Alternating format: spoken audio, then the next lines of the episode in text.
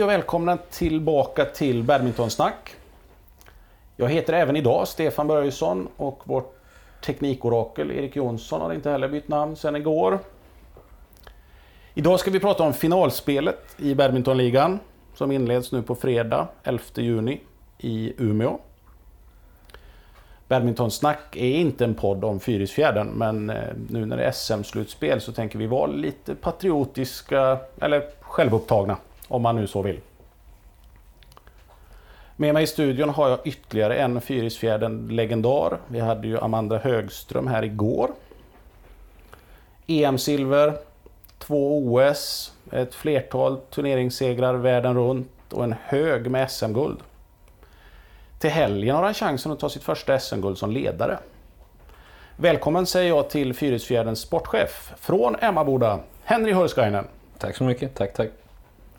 Det blir eh, dialektfestival här idag. Ja, precis. Men med Erik, bak, Erik bakom spakarna, kommer från Sandviken, så får du representera rikssvenskan även om du inte kommer att säga så mycket. Fem lag ska göra upp om SM-guldet i helgen. Umeå, Aura från Malmö och Fyrisfjärden är ju redan kvalificerade för semifinal. Ja. Vilket lag som tar den fjärde platsen eller Täby? Ja. Henry, du har...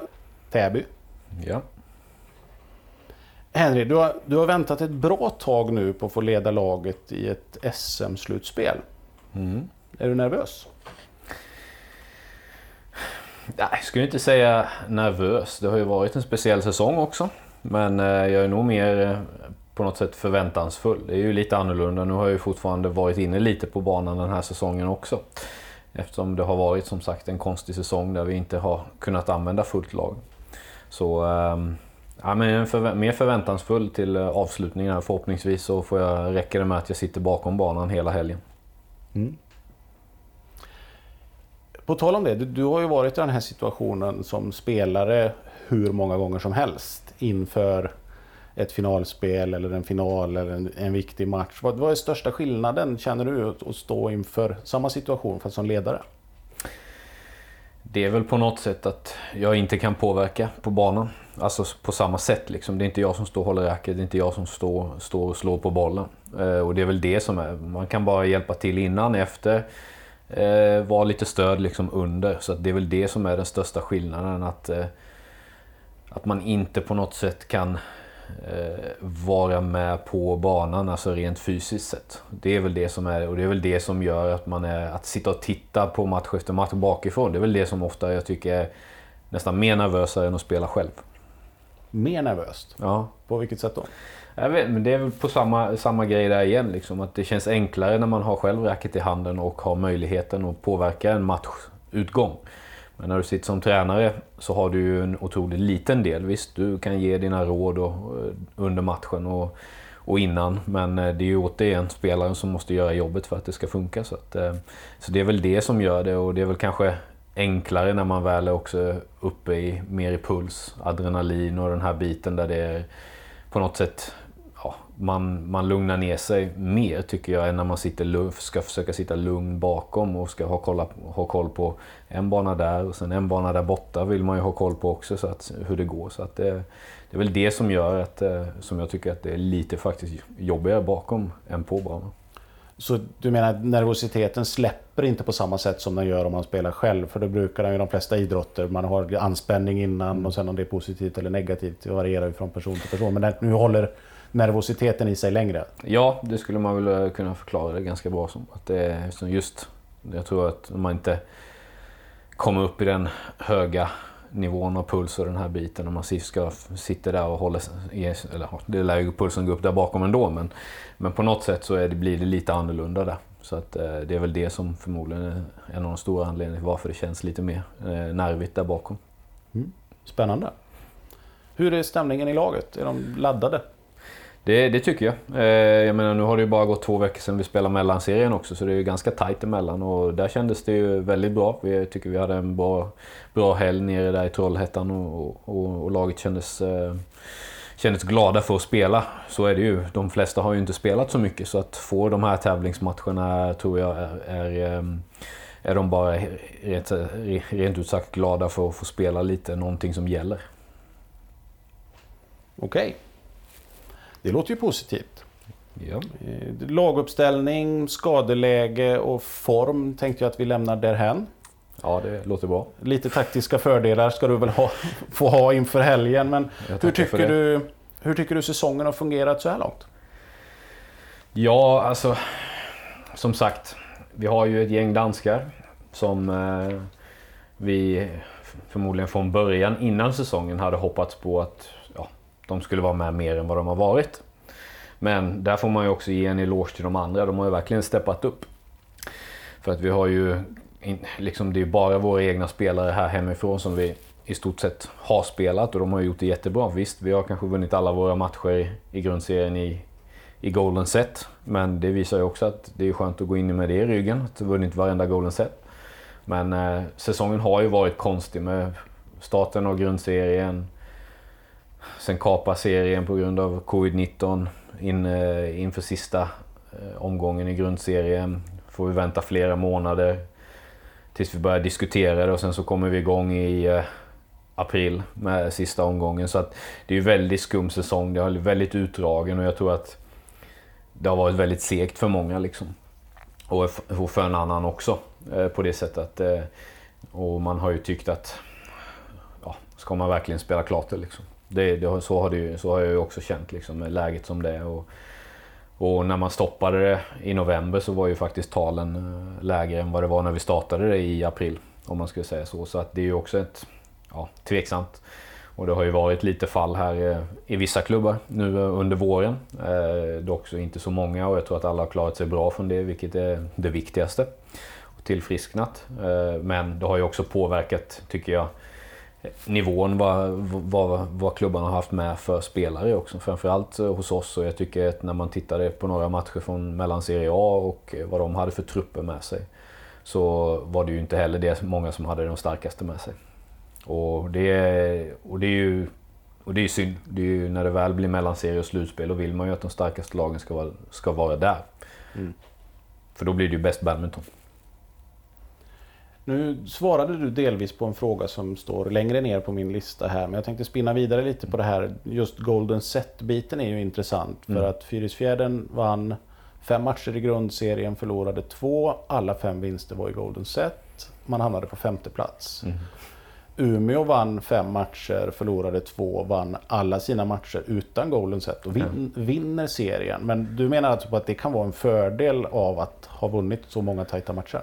Det, det, tror jag. Framförallt att det också har varit, om jag nu minns rätt, ändå eh, olika spelare som också har varit inne och tagit ett golden set. Och att få ha med det i ryggen eh, tror jag kan vara bra när det väl kommer till slutspelet. Om det nu skulle vara så att det blir ett avgörande i ett golden set. Så jag tror alltid att har, jag tror aldrig att det är så bra att gå för lätt igenom utan ibland kan det vara bra att få stöta på lite hinder där under vägen, under resan, resans gång. Liksom. Så att, eh, jag tror att det blir en fördel för att, ha känt på det redan. Mm. Eh, Fyrisfjällen har ett ungt lag. Mm. Liksom många andra i årets serie. Medelåldern, jag har inte räknat på den, men den är väldigt låg. Amanda Högström nämnde igår att hon saknar lite äldre, mer erfarna spelare. Hur, hur ser du på den saken? Ja, alltså det, det, ja, en blandning hade ju klart varit det bästa liksom, så är det ju. Och inte för att vara sån men jag menar, danskarna utgör ju också, som jag sagt, den kvaliteten har ju gått upp de senaste åren. När vi har fått eh, möjlighet att kunna att spelarna har kunnat spela i två ligor om man säger så. Att vi då, danskarna har kunnat både spela hemma i Danmark och i Sverige. Och det har ju gjort att ligan, tycker jag, blir bättre. Eh, och än så länge så håller ju inte våra yngre svenska samma nivå som de gör.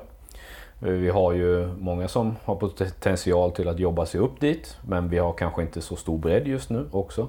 Så det gör ju att det lämnar ett, ett hål.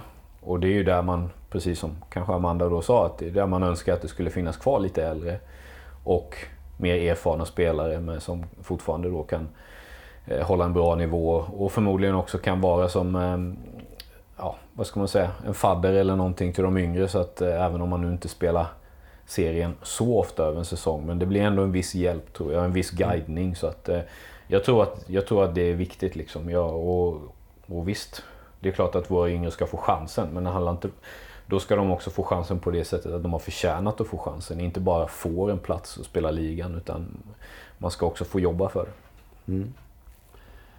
Ja, du, du har gjort en insats här. Du försöker ju höja medelåldern lite grann i ligan genom att gå in och spela, gå in och spela ibland. Verkligen.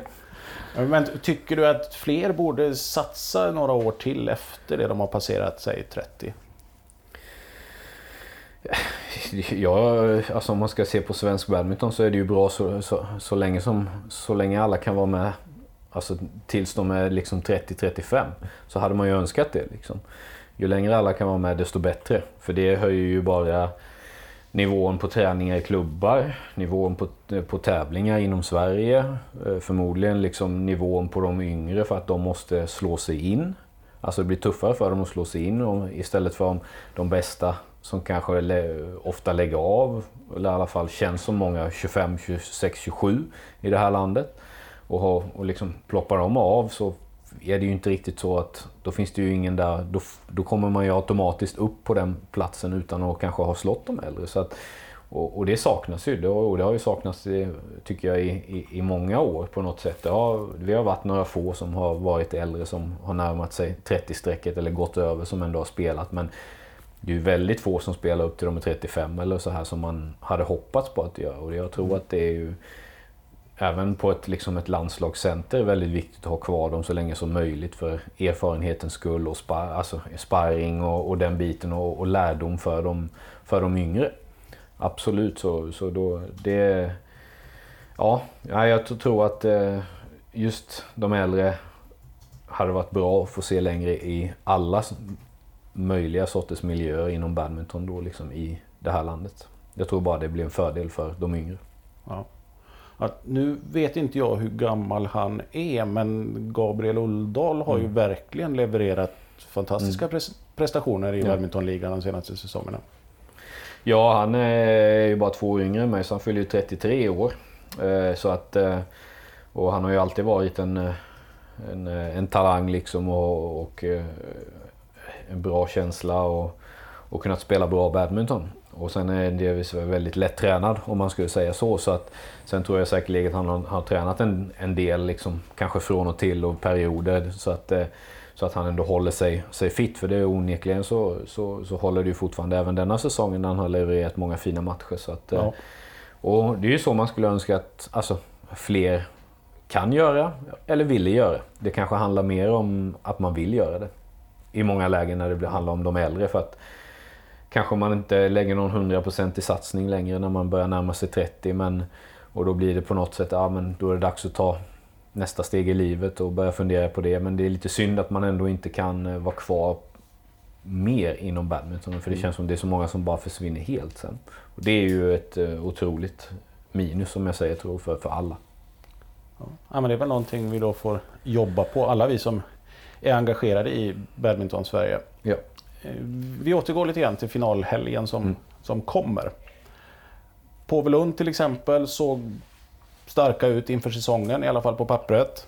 Men fick inte riktigt till det i grund och mellanserien resultatmässigt. Kanske framförallt mellanserien när de förlorade sina matcher. Men Umeå däremot har ju överraskat och tagit sig direkt till semifinal.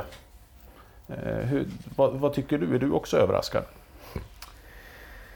Alltså, ska man titta, sitta innan säsongen och det beror ju helt på förutsättningar som jag säger. För att en förutsättning är ju om alla har fulla lag. Och då, eh, om det hade varit så och Umeå hade haft den placeringen, ja då hade jag varit överraskad. Men så som det har blivit det här med eh, regler och resa in i landet och eh, många som har danskar är med på deras eh, nationella center i Bröndby och har sina restriktioner och vill säga från, så inte kan liksom få komma hur som helst för att de också vill undvika att få en smittspridning där. Så, så ser jag ju liksom det inte som någon överraskning med tanke på att de har ju sina spelare uppe i Umeå. De har ett jämnt och ett, ett, liksom ett brett lag som kan, kan, kan vinna mot många lag om det är så att om man ska säga inhemska spelare mot inhemska spelare.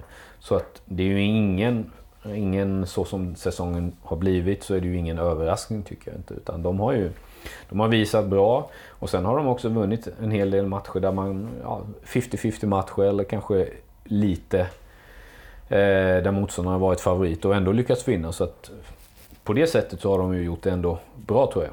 Alltså om man ska, vad jag tror de också själva tycker. Så att eh, ja, det är väl eh, tvåvägssvar om man kan kalla det så ja. ur två, två olika synvinklar. Ja, men vi kan väl enas med att säga bra jobbat Umeå. Tycker jag.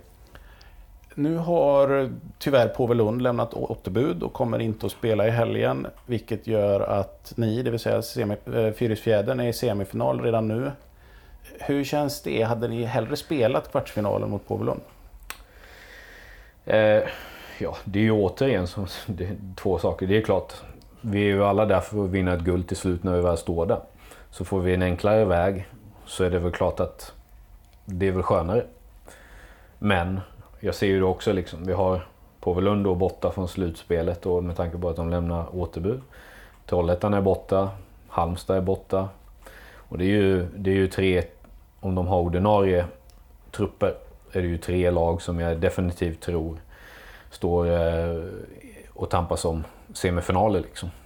Så att eh, på det sättet, om man tänker bara i en badmintonperspektiv, så och känna att man har verkligen slått ut de bästa i de bästa lagen så är det ju lite synd, det tycker jag. Så att det finns ju en liten del, men det handlar ju om att vinna det där guldet när man väl står där. Så att i slutändan så det är klart att får man en lättare väg så, så, så tar, man ju, tar man ju gärna det liksom.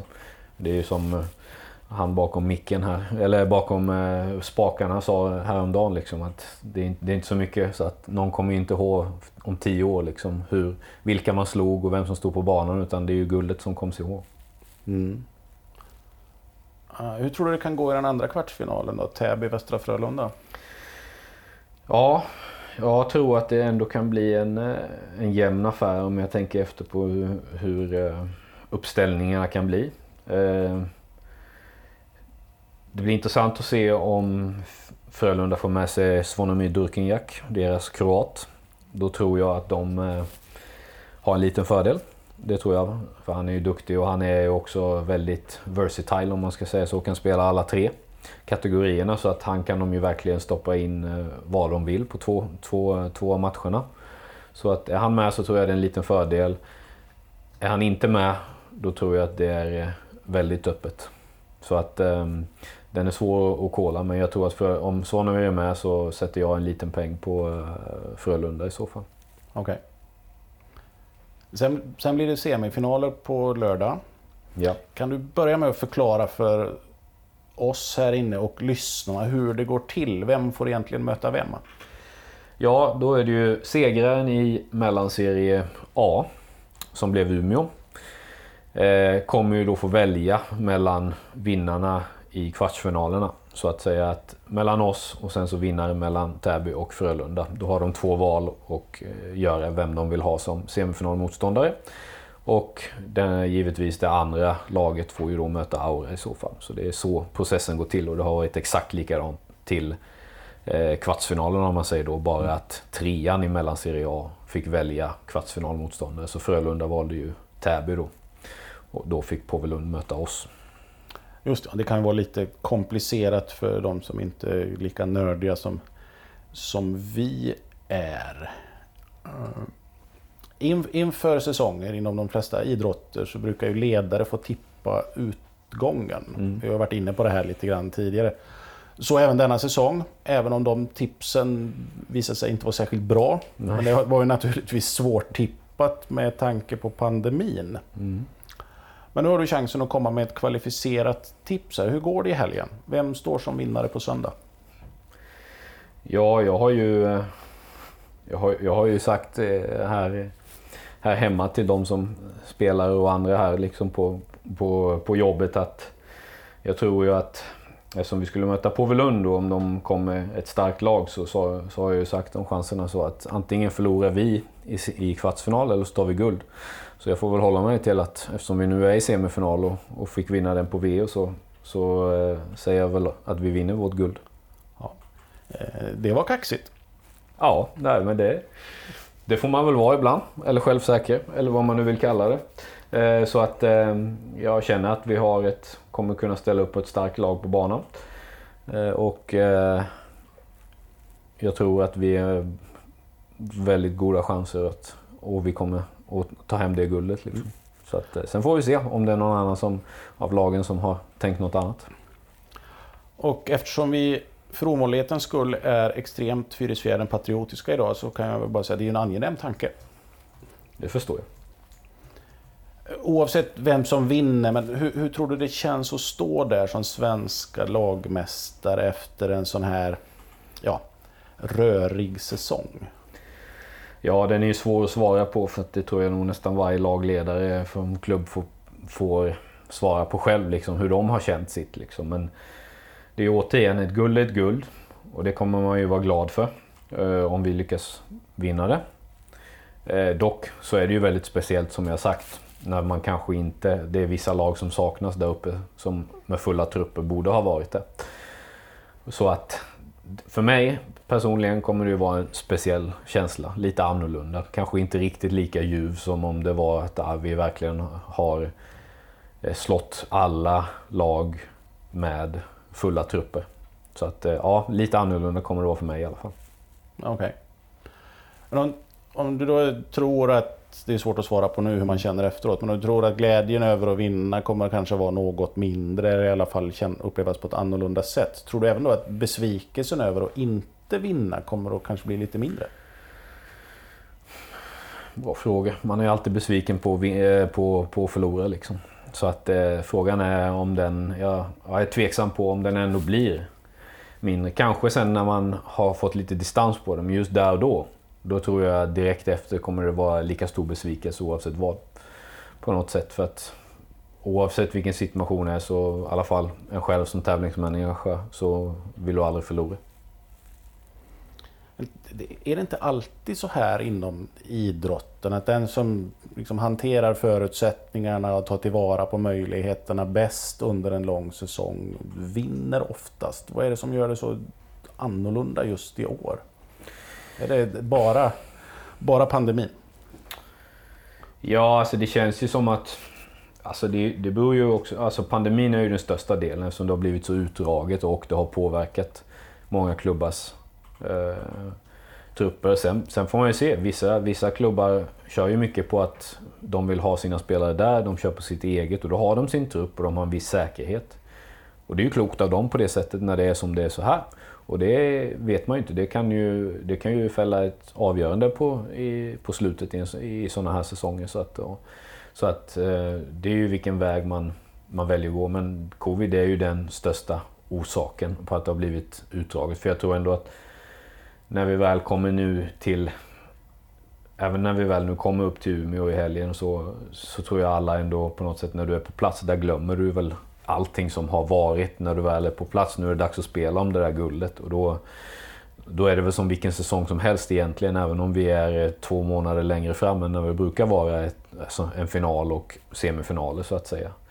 Men ehm, ja, sen kan det ju vara det här, vem, vem har kunnat hålla sina spelare mest skadefria också när det har blivit en lite utdragen säsong. Men det ska man väl också tacka på något sätt när det gäller inför serien då, att det inte har varit så mycket tävlingar. För det hade varit otroligt jobbigt tror jag för spelarna om det hade varit en ändå på något sätt blivit en hel del tävlingar fast det, det, det, här har blivit utdraget på något sätt. Då har det blivit en otroligt lång säsong. Och då hade det nog varit, eh, kan blivit jobbigare för, för, för vissa klubbar om man har dragit. Men nej, covid skulle jag säga, det är väl det som är den största skillnaden på den här säsongen. Har den här situationen, har den fått dig att tänka annorlunda inför eh, planering nästa säsong? Eh, egentligen inte. För att eh, eh, jag har väl i baktanken i mitt huvud så har jag ju ändå en tanke med hur jag vill att vår trupp ska vara och hur den ska formera sig och vad, vad dessa spelare ska vara om man säger, ha sin hemmabas. Har jag i grundtanken eh, är ju egentligen mer här om man säger så. Det är ju så jag vill ha min trupp. Så att det är ju fortfarande samma tanke har jag haft oavsett om det hade varit covid eller inte covid. Liksom. Så det gör ju inte mig någon större skillnad. Eh, så egentligen, utan samma grundtanke har jag. Men sen så är det ju svårt att få till det på studs. Det, tar det är ju det är ett lagbygge som kan ta några säsonger att göra på det sättet. Eh, med tanke på att vår klubb har som mål att vinna ett, ett guld eh, i lag-SM. Och eh, just nu så, så, eh, så, starka de, så starka som de andra lagen är så har ju inte vi det på hemmaplan av svenska spelare. Att jag, tror att, jag tror att vi på en riktigt bra dag kanske har en möjlighet. Men om de, vissa av de här klubbarna kommer sina danska spelare då, då behöver vi också ha lite andra utländska spelare som kommer in för att förstärka laget för att vara med och utmana om det. Så att eh, det kommer ju fortfarande bli en lite sån situation kommande säsong men jag jobbar långsiktigt med att få så mycket som möjligt att vi har våra spelare här. Men också att förhoppningsvis utvecklas våra egna svenska spelare så mycket så att det är de vi faktiskt i slutändan har. Det, är det, det skulle ju vara det slutliga målet att bara kunna få ha egna, egna egentligen Fyrisfjärden-spelare om man går så långt. Men åtminstone svenska spelare som alltid är här. Mm. Det är ju det slutliga målet. Men det och det är ju någonting som tar tid att bygga. Än så länge är ju de flesta så unga också så att det, det är ju det som gör, när vi nu var inne på att det finns inte så många gamlingar kvar. Nej, ja, det är ju så. Du har ju också ehm, en annan Fyrisfjärden-profil med dig i ledarstaben om man säger så, mm. Kim Knudsen. Kan du, kan du berätta lite grann, hur fungerar ert samarbete? Vad har ni för rollfördelning? Eh, nej, men jag tycker att det liksom funkar, funkar bra. Jag menar, Kim har ju lång erfarenhet inom, när det gäller att vara inom olika klubbar.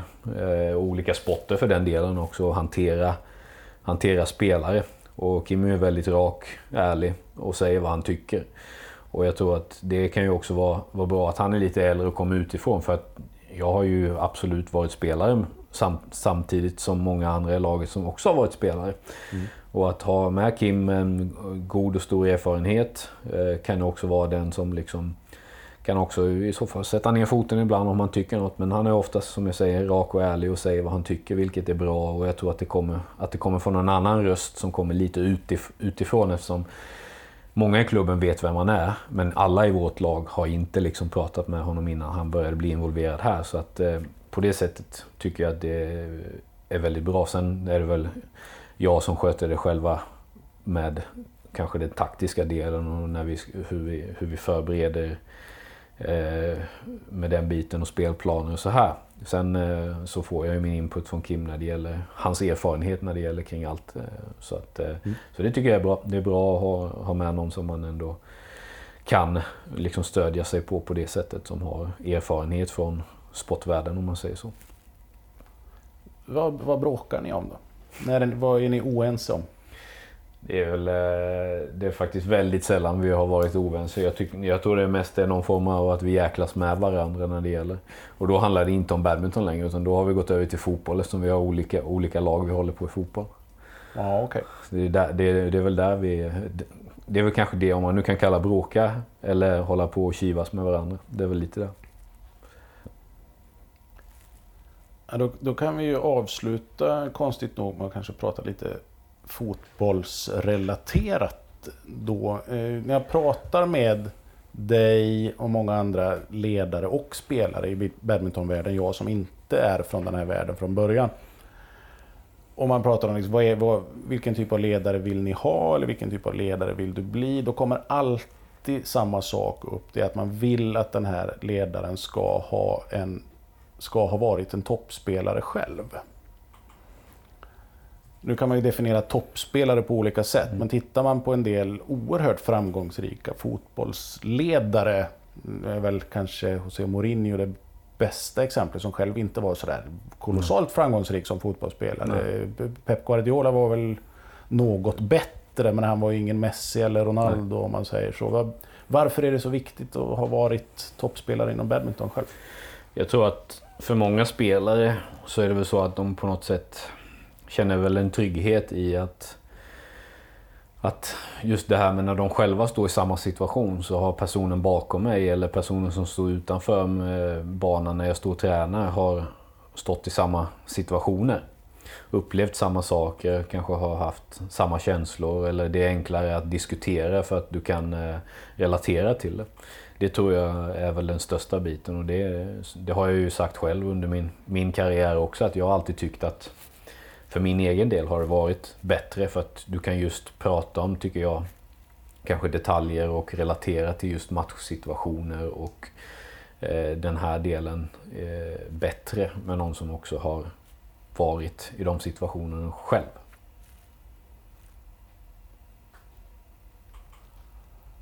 Ja, nu är ju ditt favoritlag har ju en tidigare relativt kompetent fotbollsspelare som, ja. som chefen då, måste man ju säga. Vi pratar väl då om Manchester United. Eh, har du någonting du skulle vilja avsluta det här lilla snacket med? Oj, ja nej. Nej men det, det, det är väl mer, mer, vad ska man säga, mer allmänt. Det, det har vi redan varit inne på liksom tidigare här inne. Att, att jag tror att det blir viktigt för svensk badminton i, i sitt he helhet. Att försöka se till att hålla kvar så mycket spelare som möjligt. Liksom. Det, ja, och man tänker på svensk badmintons bästa.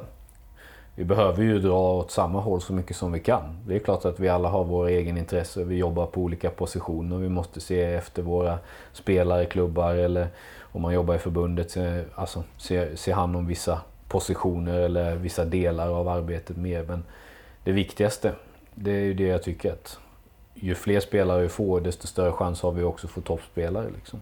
Så att det för mig är ju otroligt viktigt att ta hand om alla. För de flesta fyller ju någon form av funktion oavsett om du inte blir liksom världstoppspelare.